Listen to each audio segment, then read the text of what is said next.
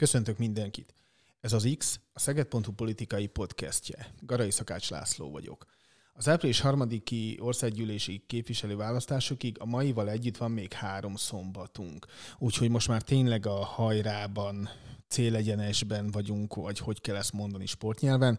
A lényeg az, hogy a mai vendégem újra Petrovszki Olá László politológus, akit ezúttal azért hívtam meg, hogy a március 15-i teljesítményekről beszélgessünk, ha lehet ezt így mondani. No nem a márciusi ifjakéról, hanem arról a két politikusról, politikai tábornak a teljesítményéről beszélgessünk, akik 99 és sok 9 ban meg fogják határozni az április harmadiki országgyűlési választásokat, illetve annak az eredményét. Azaz egy kicsit megnézzük azt, hogy a nemzeti ünnepen látott, tapasztalt, hallott dolgok azok adott esetben mennyire befolyásolják, mennyire változtathatják meg az erőviszonyokat egyáltalán a választásnak az eredményét, kimenetelét. Szevasz, köszöntelek itt újra.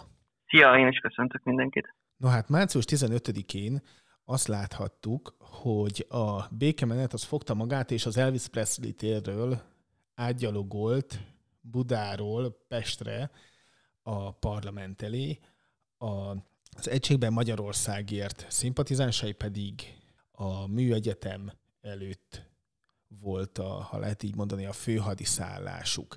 Nézzük először azt meg, hogy tömeg szempontjából, és most itt darabszámról van szó, nem a, a testsúlyokról, az mennyire számít, számíthat, hogy az egyiken ha lehet így mondani, Rákai Filip után szabadon 15 millió magyar volt ott egyszerre, a másikon pedig egy kicsivel kevesebben voltak, de sokkal-sokkal többen, mint bármikor eddig, bármilyen ehhez hasonló ellenzéki megmozduláson, ellenzéki demonstráción. Ez a számháború, ami minden, tehát ez nem egy magyar sajátosság, azt tegyük hozzá, minden egyes ilyen politikai nagygyűlésen, tüntetésen, vagy akár, hogyha gondolunk az amerikai elnöknek a beiktatására, szokott menni ez a találgatás, hogy akkor pontosan mennyien is voltak. Én annak olyan nagy jelentőséget nem tulajdonítanék, hogy ki hogy nyilatkozik róla. Ugye a saját oldal az mindig egy kicsit felül fogja becsülni, vagy ha nem is felül becsüli, akkor olyan jelzőket használ, amik inkább pozitív fényben tünteti fel azt a, a megjelent tömegnek a számát az minden esetre kijelenthető, hogy a kormánypártoknak a mozgósító képessége az elmúlt lassan két évtizedben jóval erősebb volt, jóval több ember tudtak kivinni az utcákra a legtöbb esetben. Ahhoz képest ugye ez a mostani március 15 egy kicsit kiegyenlítettebb volt létszám tekintetében, az papírformának mondható, hogy több embert mozgat meg a kormánypártoknak a, a rendezvénye. De számít valójában az, hogy, hogy mekkora egy-egy ilyen fölvonuláson, egy-egy ilyen, hát nevezzük békemeneten, ellen békemeneten a tömeg? Nem tulajdonítanák olyan hatalmas befolyásoló erőt ezeknek a megmozdulásoknak. Nyilvánvalóan fontosak a saját táboroknak. Törzszavazók érezzék azt, hogy erősek vagyunk, most el per egybe beszélek, erősek vagyunk, összetartozunk, meg tudjuk csinálni, ez nyilvánvalóan fontos. De hogy ezek a rendezvények nem gondolom, hogy, és a, ebből kifolyólag az, hogy mennyien mennek el, mondjuk meggyőzne embereket arról, hogy ő ide vagy oda szavazzon. Azt se szabad túlbecsülni, hogy mekkora érdeklődés van ezekre az eseményekre. Nyilvánvalóan a média figyelmét felkelti, beszédek hangzanak el, tehát nyilvánvalóan a tömeg méretéből fakadóan és a politikusi akciókban van érdekességfaktor. Ez ugyanúgy érdekelheti a politikai fogyasztó közeget, azokat a választópolgárokat, akik aktívan fogyasztják a politikát. De lehet, hogy sőt, igen bátran merem állítani, hogy a bizonytalanokat, illetve akik apolitikusok, tehát nem igazán foglalkoznak a politikával, nem ezt fogja meggyőzni arról, hogy elmenjen egyáltalán szavazni, meg hogy arra a formációra szavazzon, amelyik esetleg nagyobb tömeget mozgatott meg. És az elhangzott beszédek, azok meggyőzhetik-e ezeket az általad is említett apolitikusokat, bizonytalanokat, hogy akkor rájuk szavazok, mert hogy milyen jót mondott az Orbán Viktor, vagy hogy milyen fantasztikusan beszélt a Márkizaj Péter. Tehát maguk a beszédek, azok, ha lehet őket értékelni, akár klasszikus osztályzással is, mennyire voltak lelkesítőek, jól felépítettek, mennyire jött át a szónoknak a karizmája, a kisugárzása, hogyan szerepeltek szerinted a miniszterelnök jelöltek ezen a két eseményen? E, elsősorban azt szeretném rögzíteni, hogy nagyon rövid a szavatossága ezeknek a beszédeknek.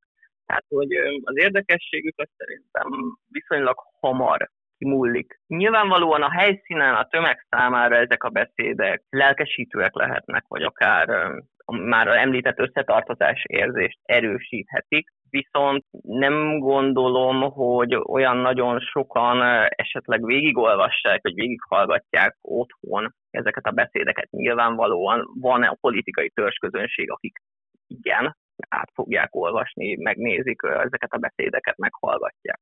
A kérdés második részére vonatkozóan Orbán Viktorról azért elég közkeletű tudás, hogy igen, jó, karizmatikus előadó képességgel rendelkezik, és szerintem ez a beszéd hozta a kötelezőt, hozta a megszokott Orbán Viktori jegyeket, gondolatmenetet, gyakorlatilag se nem rosszabb, se nem jobb, mint mondjuk a korábbi évek, március 15-i 15-i beszédek. De, de bocsánat, bocsánat, hogy közbevágok. Akkor azt mondod, hogy gyakorlatilag, ha lehet ezt ilyen rondán mondani, lerutinozta Orbán ezt a március 15-i beszédet, lelkesítő megmozdulást, békemenetet? Én azt mondanám, hogy ez egy viszonylag korrekt megállapítás. Tehát igen, nem lett ez kiemelkedő beszéd a korábbiaktól, de ugyanazokkal az elemekkel, a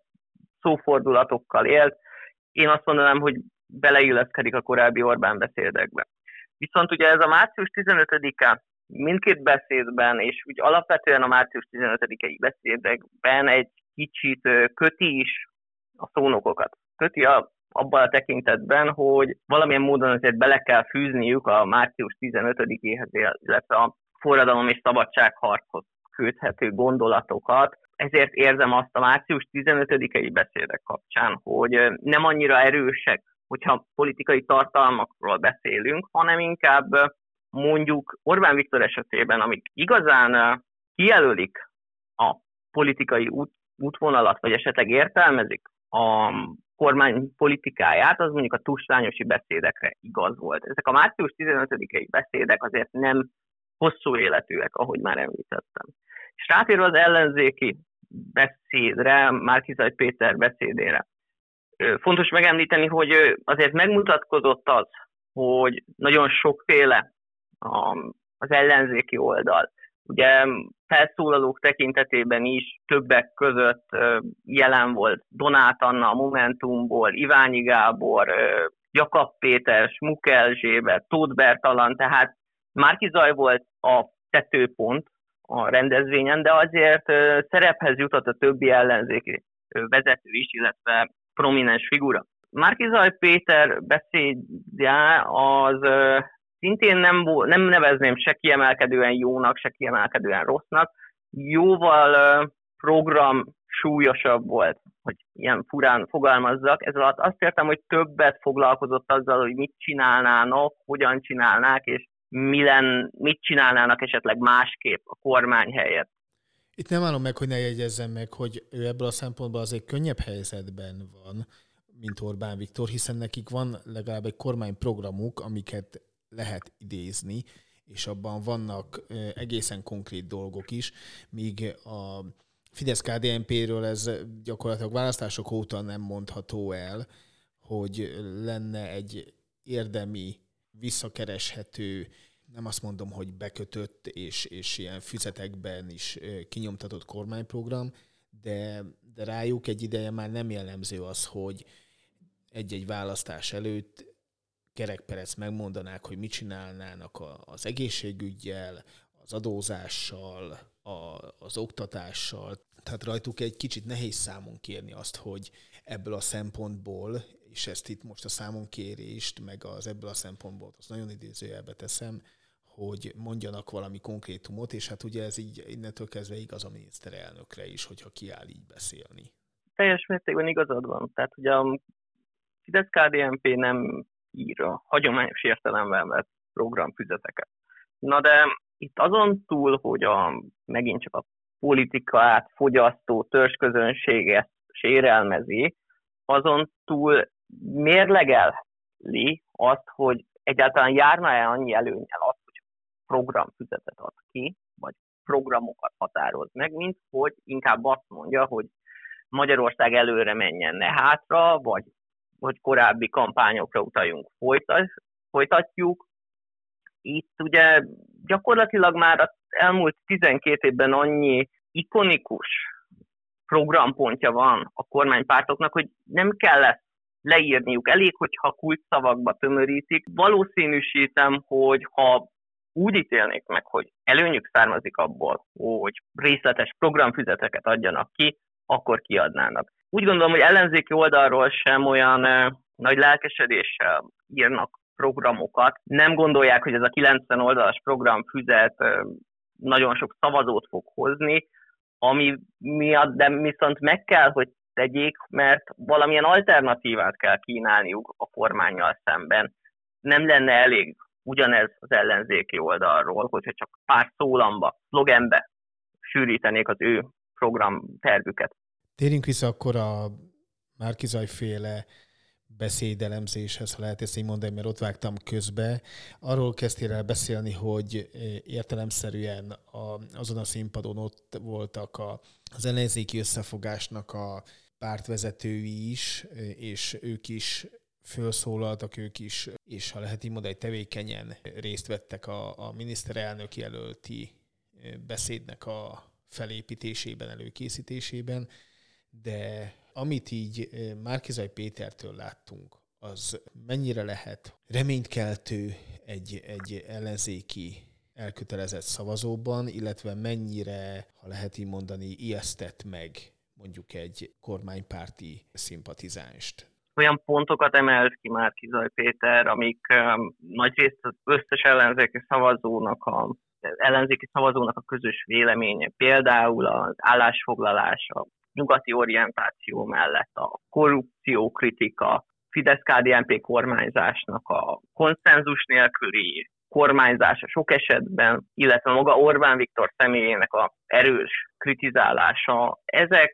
megerősíthetik az ellenzéki szavazókat. Tehát, hogy amit néha Márkizaj Pétertől tapasztaltunk az elmúlt pár hónapban, hogy megosztó, vagy esetleg igen furcsa kijelentéseket tesz, az itt most nem volt tapasztalható, ami nyilvánvalóan fakad abból, hogy egy ilyen nagy, nagyívű beszédet nem lehet leimprovizálni, hanem ez egy előre megírt beszéd volt. Na most, hogy ettől mennyire ijedne meg mondjuk egy kormánypárti szavazó, én nem gondolom, hogy akkora hatása lenne már Kizai Péter beszédének. Azt viszont hozzá kell tenni, hogy nagyon, nagyon aktívan és folyamatosan kampányol már Péter. Nagyon sok tartalmat tesz ki, amik hasonló üzeneteket fogalmaznak meg, mint ami itt elhangzott a beszédében. Próbálja nagyon fenntartani a figyelmet, azon túl, hogy a törzsközönséghez eljut, esetleg ki tud-e szivárogni mondjuk a bizonytalanokhoz, vagy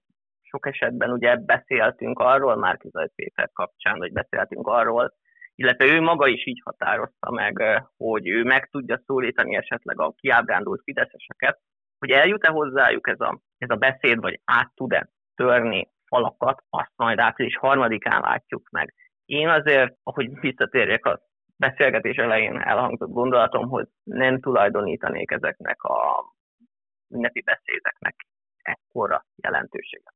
Elsősorban ezek a saját tábornak szólnak, igen. Tehát mondjuk a Fidesz-KDNP esetében arról szól, hogy látják esetleg az otthon maradt szavazók is azt, hogy még mindig erősek vagyunk, és ez buzdíthat a részvételre, ahogy a másik oldalon is. Azt azért nem jelenteném ki, tehát ez azért nem így teljességében nem igaz, hogy nem próbálnak meg hatni a bizonytalanokra. Példának okáért ellenzéki oldalon azért találkozunk azzal az attitűddel, hogy bizonytalanak a szavazók abban, hogy most leadják-e a voksukat az ellenzéki összefogásra. Itt ugye hat pártról beszélünk, plusz egy mozgalomról. Ez aznek a formációknak a kompatibilitása, és most a szavazói kompatibilitásra is gondolok, nem biztos, hogy olyan egyértelmű. Ez a közös fellépés, ez a egységkép, amit sugározni akartak, ez segíthet esetleg, hogy áthidalják ezeket a még mindig jelenlévő, vagy valószínűleg jelenlévő ellentéteket a szavazótáborban. Tehát azt mondod, hogy az ellenzéki tábornak az erősítésére, egységesítésére mindenképpen jó volt akkor ez a bizonyos március 15-i rendezvény, de esetlegesen otthon maradók, bizonytalanok, azok melyik oldalról kaphattak, hogy mondjam, nagyobb impulzusokat, hogyha ezt a két eh, március 15-i teljesítményt nézzük? Nem egyszerű kérdés ez, hogy kihez hogy jut el, hogy jutnak el ezek a beszédek az adott szavazóhoz. Ugye azért egy átlag állampolgár nem fog megnézni 5-6 híradót, nem olvas el 10 hírcsatornát, és nem követi mindkét politikai oldalt közösségi médiában. Ez megmarad nekünk, elemzőknek és nektek újságíróknak, mint szórakozás. Tényleg, Mondjuk csak... tényleg szórakozás, ezt muszáj közbevetnem. Tehát mi ezt kifejezetten nagyon-nagyon élvezzük. Igen, de most hozzánk képest egy átlag állampolgár nem biztos, hogy ennyire sok médiumon fogja lekövetni az eseményeket. Ezért nagyon fontos lehet, hogy melyik, melyik médiumot követi. Ugye nagyon egyszerű, hogy már erre a számháborúra utaltam, fölülbecsülni, illetve alulbecsülni, lekicsinyleni, illetve felnagyítani egy eseményt. Ha azt mondom, hogy hatalmas tömeg jelent meg a műegyetemnél, akkor az a hatalmas tömeg bármennyit jelenthet. Ha azt mondom, hogy csak pár ezer ember, lehet, hogy ugyanazt állítottam, de mégis, hogyha az átlagpolgár meghallja, hogy hát csak pár ezer ember jelent meg, akkor biztos, ó, hát ezek már megint nem képesek semmire, még egy tüntetés vagy egy nagy gyűlés megszervezése. Tehát fontos az, hogy hol értesül ezekről az eseményekről, illetve fontos az, hogy milyen részeket, milyen részleteivel találkozik. Nagyon kevés az az ember, aki mindkettőt teljes egészében megtekinti. Ezért erősítek rá arra a gondolatomra, hogy itt a saját tábor fogyasztja gyakorlatilag elsősorban ezeket a tartalmakat. Mert hogyha valaki mondjuk ellenzéki vagy kormánykritikus médiumokból tájékozódik, valószínűleg többször fog találkozni a Márkizaj Péterhez kapcsolható beszéd, Márkizaj Péter beszédével. Míg mondjuk a kormánypárti szavazók a közmédiából tájékozódva igencsak többször fognak találkozni az Orbán beszéddel. Illetve hát gyakorlatilag az ellenzéki médiából tájékozódóknak van esélyük arra, hogy mind a két beszédről valamilyen szinten valahogyan értesüljenek, és, és tudják azt, hogy mind a két tábornak a vezetője beszélt március 15-én, míg a MTV-jának a, a hírműsoraiból kevésszer és keveset lehet megtudni a, az ellenzéki különböző eseményekről, programokról, jellemzően ugye akkor számolnak be ilyenekről, hogyha valamilyen botrányt és valamilyen olyan dolgot sejtenek a háttérben, ami, ami hát kifejezetten hátrányos lehet nekik. Tehát ha valahol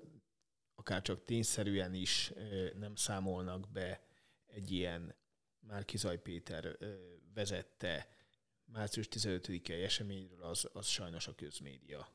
Továbbra is teszem föl azt a idézőjeles kérdést, hogy ha találkozna vele, mennyire győzné meg igazából. Fontos annyira a szavazónak a racionális döntése, illetve hogy ő racionálisan majd elemzi ezt a két beszédet, vagy inkább az érzelmi oldal, amikre ezek a beszédek elsősorban hatni akarnak a döntő. Én úgy vélem, hogy itt az érzelmi oldal, ami erősebb tud lenni, és ebből a szempontból az, hogy az ellenzéki szavazó megnézi az Orbán beszédet, és vice versa, az nem túl sok. Nagyon minimális az a szám, akit esetleg átlendít, hogy másképp szavazzon.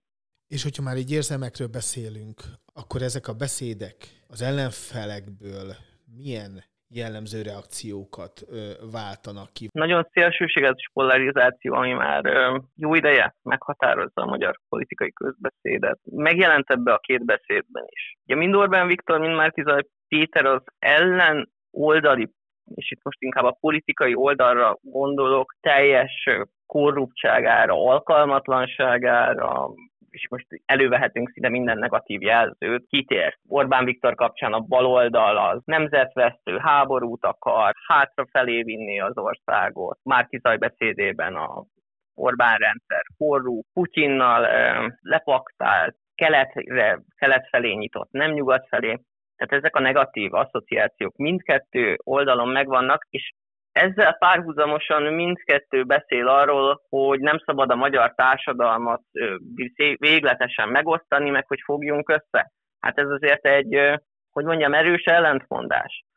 Abból a szempontból mindkét politikus esetében erős ellentmondás, hogy azért nem feltétlenül választható le kötelező eleme a beszédeknek ez az egység gondolat, de hogy azt ne feltételezzük, hogy valaha is a mostani kormánypárti szavazó, vagy az ellenzéki szavazó a választás után ráeszmélne, hogy hát igen, akkor most tényleg össze kell fogni, és akkor hirtelen megölelnénk egymást, és mindenki egyetértene. Ez a társadalmaknak egy tulajdonsága, hogy sose tud, és az nem is egy egészséges állapota a társadalomnak, hogyha mindenben egyetértünk. Na most ez a szélsőséges polarizáció, ami jelen van, ez sem egy teljesen egészséges állapot. Az, hogy semmiben nincsenek meg a kompromisszumok, azok a közös konszenzusok, amik egy jó működő demokráciának kellenének az alapkövei legyenek. És ez mindkét oldalon megvan. Megvan az, hogy nem fogadjuk el a másiknak a legitimitását arra, hogy esetleg kormányozzon. Na most ezek a beszédek, mennyire szították ezek, ezt a konfliktust tovább. Én mindkettőben találok olyan elemet, ami nem visz arra, hogy betemessük ezeket az árkokat, hanem inkább további polarizációt fog szülni. De lehet, vagy elvárható, joggal elvárható az, hogy gyakorlatilag a választási hajrában ilyen, hogy mondjam, megértő módon nyilatkozzon egyik vagy másik tábor az ellenfeléről, tehát valahol azért érthető az, hogy és jellemzően azért, mert hogy ugye elsősorban a saját magukhoz beszélnek és saját magukról, hogy harciasabb, nyersebb, olyan kifejezéseket használ a, a szónok a beszédben, ami, amit adott esetben, hogyha olyan helyzetben, olyan helyen lenne, akkor lehet, hogy hát ha nem is átgondolna, de elképzelhető, hogy, hogy mondjuk nem mondanak ki rögtön elsőre. Természetesen főleg, hogyha politikai haszon oldaláról közelítjük meg, teljesen érthető, hogy miért, miért beszélnek úgy, ahogy, miért van ez a hangsúly. Ilyen alternatívát kell kínálniuk a másikkal szemben, ami sokszor megköveteli azt, hogy élesen fogalmazzanak. Amire utaltam az előző gondolatomban az az, hogy inkább ellenségként, mint ellenfélként tekintenek Magyarországon egymásra a politikai spektrum két oldalán lévő szereplők.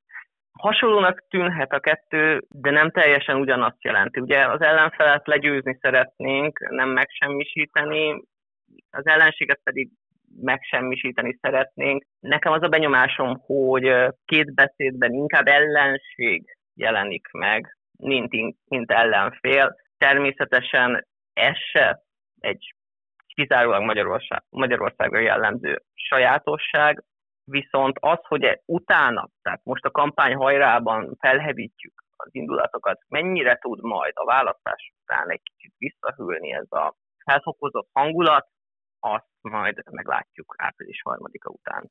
No hát kíváncsiak vagyunk akkor tényleg, hogy a hűtés az majd hogyan és mint működik. Nem kell már olyan sokat aludni, hogy ez kiderüljön. László, nagyon szépen köszönöm, hogy újra a vendégem, vendégünk voltál. Ez volt az X, tartsanak velünk legközelebb is. Köszönöm még egyszer, hogy beszélgettünk ezekről a beszédekről. Köszönöm szépen én is.